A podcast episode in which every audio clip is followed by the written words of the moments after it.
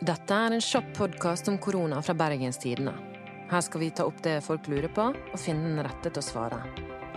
Denne uken, for å snakke med dagens gjest, var vi ute. Hva var det vi lurte på, Henrik?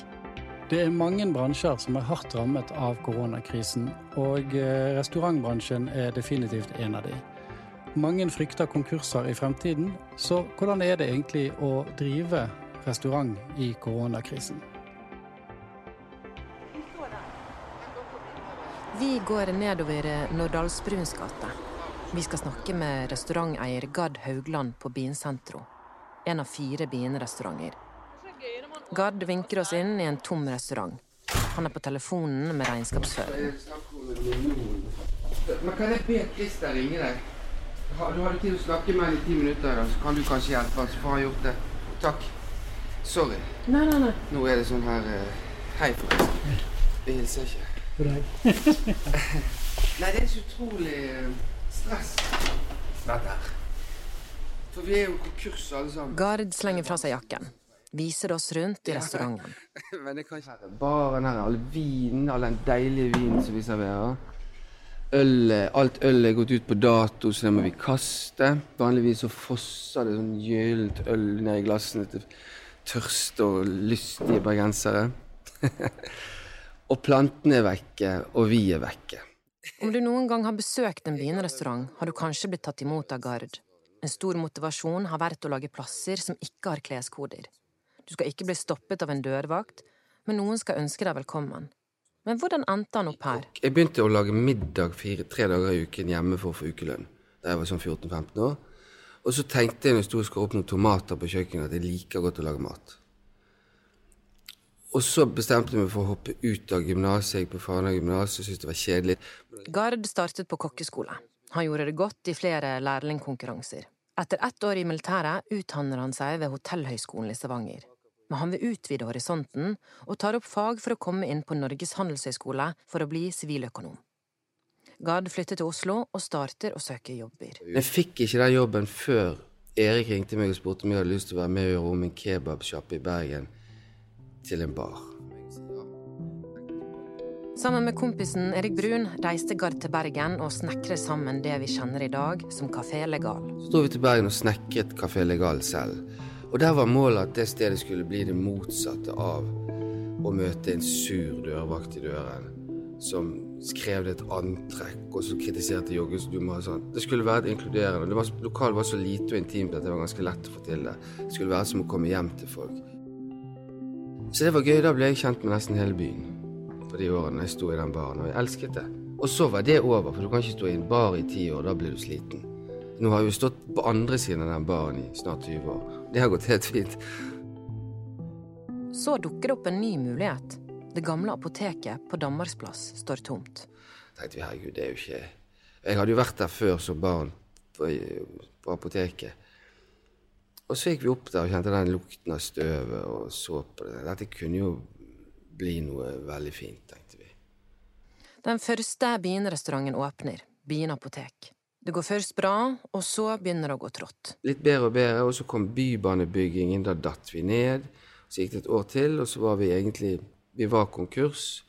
Vi kom i skifteretten for første gang. Jeg, aldri, jeg visste ikke hvordan jeg skulle oppføre meg. Jeg kjente ikke kutymen. Altså, jeg reiste meg opp, og han aktor ba meg sette meg ned. Vi hadde med en regnskapsfører som ikke kunne som ikke hadde vært med på det før, som skulle liksom støtte oss. Det ble jo nærmest bare Ja, jeg skal ikke si det, men det ble litt, det ble litt rart. Og istedenfor da å skru av og på igjen, sånn som veldig mange av kollegaene våre har gjort, så fikk vi tak i de pengene privat og betalte og gjorde opp for oss. Så det er jeg egentlig veldig stolt av. Byen brer om seg. De åpner både Byen snackbar, Byen sentro og Byen basar. Det som startet som en liten bar i Nygårdsgaten, har blitt til fire restauranter. Vi vokste fra å være tre ansatte til å bli 60 ansatte på tre år. Og så kom denne overraskelsen som alle opplever. Og nå sitter vi her i dette kalde, nakne lokalet og diskuterer det. Jeg husker jeg satt borte på Kjøttbasaren. Vi hadde akkurat fått i gang Vi hadde hatt andre fredager med sånn pinchos-kveld. Deilig mat, masse forskjellig sjømat og grønnsaker osv. Som var veldig populært. Jeg skjønte at dette kom til å bli dødskult. Og det, det, funket utrolig godt. Folk satt der lenge og spiste masse, og det var ikke så dyrt heller. Det var jeg i ferd med å få i gang der borte. Det så bare ut til å ta litt av. Og det var den tredje gangen det skulle arrangeres, var fredag den 13. mars. Og nå begynner dette, og mange som sier at de kanskje skal komme på Facebook, og vi har fått en del bestillinger, og det blir veldig bra. Så ringer min gode kollega fra 1877, Kristina, meg og sier hvordan går det med dere? Her renner avbestillingene inn. Og da hadde ikke det skjedd helt hos oss ennå, for de har mer sånne kjempestore grupper ute på Cornelius og der. Og så så jeg at vi hadde fått et par avbestillinger, og det gikk veldig fort. Jeg husker vi satt der inne, så fikk vi avbestillinger på alt. Og på torsdag den 12. på Kjøttbasaren For da lurte vi vi kan, vi kan ha åpent denne helgen nå, for å liksom ta vare på de gjestene vi hadde. På torsdagen da hadde vi 100 bestillinger og på fredagen hadde vi 20, og på lørdag morgen var det ingen igjen. Så vi satt altså der, og i løpet av de dagene så gikk det opp for meg at oi, dette Nå skjer det noe som ingen hadde tenkt skulle skje. Så det, det kom som et sjokk, eller det, det, det ble veldig massivt på få dager. Følte meg ganske maktesløs. Altså, det var jo en veldig sånn stressende situasjon. Så tenkte vel jeg kanskje da, som jeg alltid gjør, at dette går um, Det går sikkert fint. Vi får sikkert hjelp. Det går sikkert over. Og det kan jo ikke ta for lang tid. Så nå, etter hvert, så har jeg jo skjønt at det kommer til å ta mye lengre tid. Og at det blir mye vanskeligere enn, uh, enn jeg hadde drømt om. Og at det kanskje blir umulig. Og da er man litt sånn Hva skal man gjøre?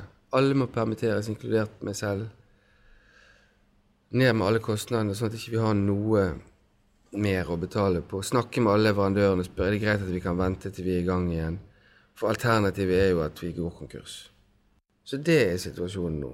Og det er klart det er veldig ubehagelig når man har brukt 15-17 år på å bygge opp noe, og så kan det bare forsvinne pga. noe sånt som dette her.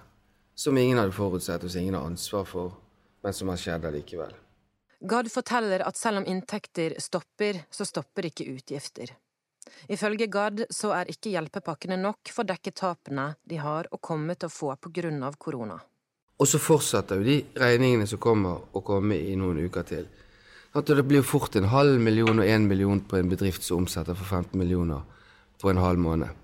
Og den situasjonen er de aller fleste i, bortsett fra de som har reserver, og det er veldig få.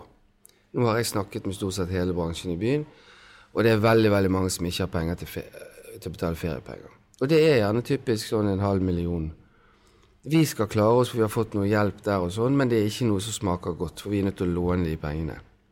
Og Det betyr at vi har en, pådrar oss en større gjeld, både, egentlig både privat og, og i bedriften, for å klare å takle denne krisen. Mens veldig mange andre merker det ikke i samfunnet. Og i og med at det er en dugnad som man har blitt oppfordret til at alle skal ta, så føler jeg at vår bransje ikke tenk at jeg personlig syns synd på meg sjøl nå, men at vår bransje har tatt den aller største kostnaden. Og det kan man Jeg syns i hvert fall vi skal diskutere om det er riktig. Hva tror Gard om fremtiden? Vil byen kunne åpnes snart? Men så er det veldig vanskelig å holde åpent uten å gå med underskudd enda, for folk tør ikke gå ut ennå. Det er ingen tilreisende til byen. All kulturen er lagt ned. Kulturen er den viktigste kunden vår. på en måte. Folk drar til byen for å gå på kino, i Grieghallen, på teateret. Når det er slutt, så drar de ikke til byen. Så vi, vi er altfor mange restauranter i Bergen per nå. Det er ingen turister. Ingen norske, ingen utenlandske. Så det er en enormt stor krise som jeg ikke skjønner hvordan vi skal klare å komme oss ut av. Og det er ganske dystert å tenke på. Så hva håper Gard for fremtiden? Eh, nei, Jeg håper jo på at jeg skal ta feil, og at, at, ting skal komme i gang igjen fortere. Men jeg ser liksom ikke for meg at amerikanere og tyskere og kinesere kommer til Norge på lenge. Og det er det ingen som tror heller i min bransje. Og så sier vi at nå, nei, nå skal vi være på ferie i Norge. Og det syns jeg er en ganske koselig tanke. Jeg gleder meg til å reise på ferie i Norge. Men det blir jo litt sånn billig ferie på lavbudsjett for mitt vedkommende. da. Men det er ikke nok nordmenn til å erstatte det vi mister. Langt ifra. Altså, det, det er ikke i nærheten av å kunne matche det vi har. Så det blir uansett en voldsom nedgang. Og det er bildet. Og det kan ikke vi gjøre noe med. Byen deler skjebne med mange restauranter i Bergen. De er tomme og ute av drift. Mennesker som vanligvis lager mat, serverer og lager god stemning, er permittert. Mannen som ikke ville ha dørvakter på utestedene sine, men nå er en vennlig innkaster, tenker på gjestene. Og det er jo det, Vi har jo levd på luft og kjærlighet på byen i mange år. Og hadde ikke vært de fansene som støttes og sånn opp, så hadde ikke vi giddet. Hvis folk hadde vært sur, så hadde det vært nedlagt for lenge siden. Det har betydd utrolig mye. Og spesielt de lokale der. Og der er jo noen, jeg skal ikke nevne navn, men der er jo noen som virkelig har uh, gjort det verdt å drive. Jeg syns det er veldig, veldig kjekt å være, være der folk koser seg. Kanskje bidra til at folk har en hyggelig kveld. Dra en spøk. Prate med de som, de som trenger det. No, det er noen som vil bli snakket litt mer med enn andre. Så, altså, dette, nå utleverer jeg noen sånne hemmeligheter her, men du ser på folk med en gang de kommer inn døren, om de syns at de skal få mer oppmerksomhet enn andre. Og da kan jeg gi dem det. Hvis de syns at de er litt viktigere enn andre, så kan de få det av meg. Det gjør meg ingenting. Det er koselig. Og det er, ikke, det er ikke, egentlig bare ironisk, det jeg sier nå. Det er faktisk litt sant. Det er hyggelig, for da blir det god stemning. Og det er det vi egentlig driver med. Følg med på BT sin løpende koronadekning på bt.no. Mitt navn er Anna Magnus, og produsent var Henrik Svanevik. Lurer du på noe, send meg en e-post på anna.magnus.bt.no.